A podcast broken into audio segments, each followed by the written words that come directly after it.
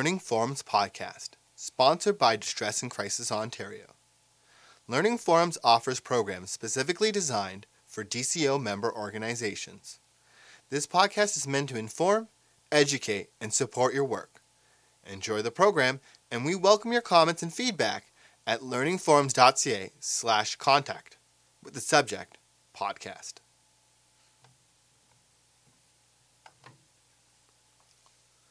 Welcome to the Learning Forums podcast, sponsored by Distress and Crisis Ontario. Learning Forums offers programs specifically designed for DCO member organizations. The podcast is meant to inform, educate, and support your work. Enjoy the program, and we welcome your comments and feedback at learningforums.ca slash contact with the subject line podcast. Hi there. My name is Brenda, and welcome to this week's episode. I am currently a BSW student completing my placement at Distress and Crisis Ontario, and I'll be your host for this week. In this episode on gratitude, I'll be interviewing Dr. Denise Marigold, who is currently an associate professor of social psychology at the University of Waterloo. Stay tuned to find out how gratitude plays an essential role in our relationships, well being, and how it can help us out, especially during the COVID 19 pandemic. Enjoy! Hi, Dr. Marigold. Thank you so much for taking time out of your day to answer my questions on gratitude. But before we start, can you please tell us about yourself and the work that you do? Uh, yeah, I'm a social psychologist by training, and my research specializes in relationships. Um, so I'm a professor and also chair of the Social Development Studies Department at Renison. Uh, and there I teach courses in positive psychology as well as courses in relationships. Uh, and particularly lately, my research is on uh, social support. Awesome, that's so cool. So, what is your definition of gratitude? Well, I think you can think of gratitude in a couple of different ways. Mm-hmm. One is a feeling of appreciation for something positive in your life, and that could be very general. You know, you're grateful for your health, your family, for having meaningful work, things like that.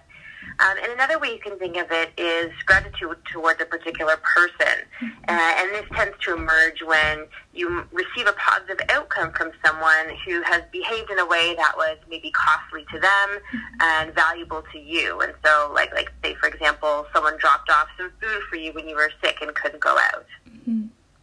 Okay. And so, what are the benefits of expressing gratitude in relationships on our own mental health and well being, whether it's with a partner, family, friends, or coworkers? Okay. Uh, well, you, you probably know that you know when you're in a bad mood, everything can seem a lot more negative, and suddenly mm-hmm. everything is a problem. And, and conversely, when we kind of consciously orient our orient ourselves towards more positive things, that can have kind of a snowball effect as well. So, mm-hmm. if we're sort of thinking more positively about our own lives, we start to see and experience more positive things around us, including in our, our relationship partners.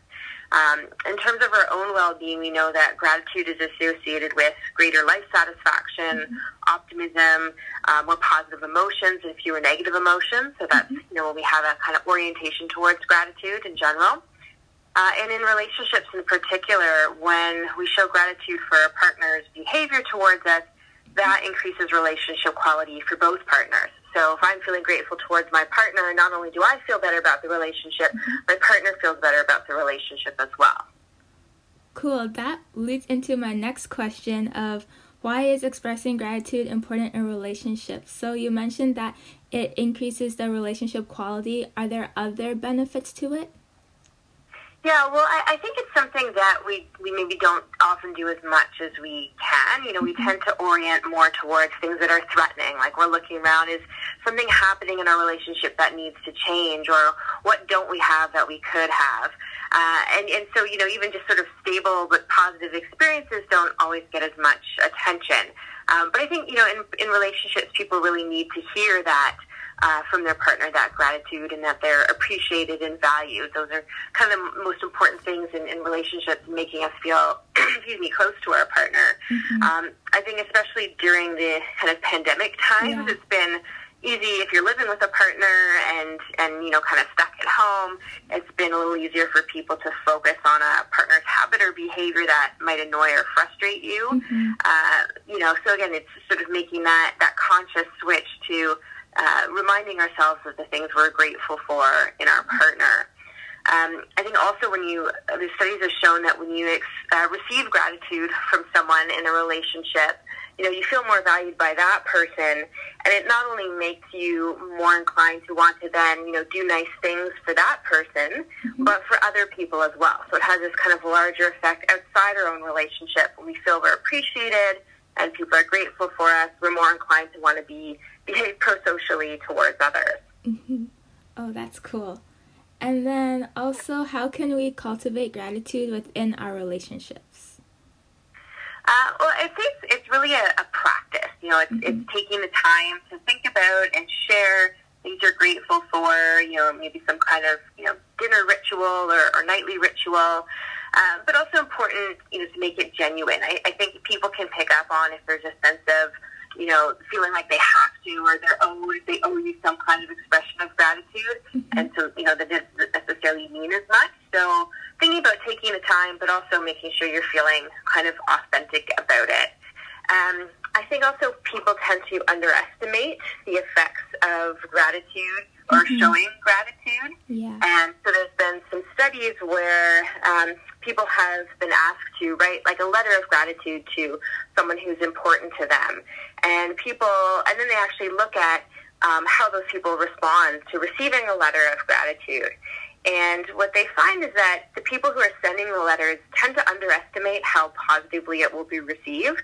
Mm-hmm. And they also tend to sort of um, assume that it's going to be actually awkward, more awkward than it actually is. So people are often reluctant to express that gratitude to the people that are important to them. Mm-hmm. But when you look at how people receive that kind of expression of gratitude, mm-hmm. you know, they're always like much more positive and, and less uncomfortable with it than, than people might assume. Okay.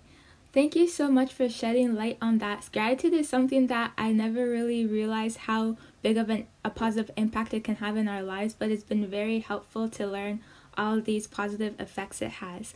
Um, is there anything you would like to add that we did not touch on? Um, yeah, the one thing I, I thought about was, you know, some um, some researchers have talked about potentially downsides of gratitude, mm-hmm. or, or more like a caution of how and where you use it. And so one of those is the idea that more is not always better. So if you kind of force yourself, okay, I'm going to do this daily practice. I'm going to think of 20 things I'm grateful for. Mm-hmm. You know, maybe that's too much. If it's something that you find yourself really struggling to come up with so many examples of, that's mm-hmm. actually going to make you feel worse rather than, than better. Um. I also think sometimes people use gratitude as a way of trying to avoid dealing with problems or, mm-hmm. or realizing or thinking about how serious problems are. So, you know, if they're having a really tough time in their job or in a relationship, they might try and think, oh, I should just be grateful that I have a job or grateful that I have a relationship. Um, and you know, and that may be true, but then you also need to sort of balance that with, well, you know, how am I being treated in this situation, and do I really need to sort of go beyond feeling grateful and think about, okay, is this actually fair to me? You know, what else should I be seeking out? Mm-hmm. That is very true. I didn't even think of it like that because it is also important to realize the reality that you're living in and just be honest with uh, what's going on in your surroundings. Yeah, absolutely. Mm-hmm. Yeah, well, thank you so much for taking time out of your day to answer my questions and for shedding more light on the topic of gratitude. Hey, my pleasure. Thank you. Thanks. Have a great rest of the day. Okay, you too. Bye. Bye.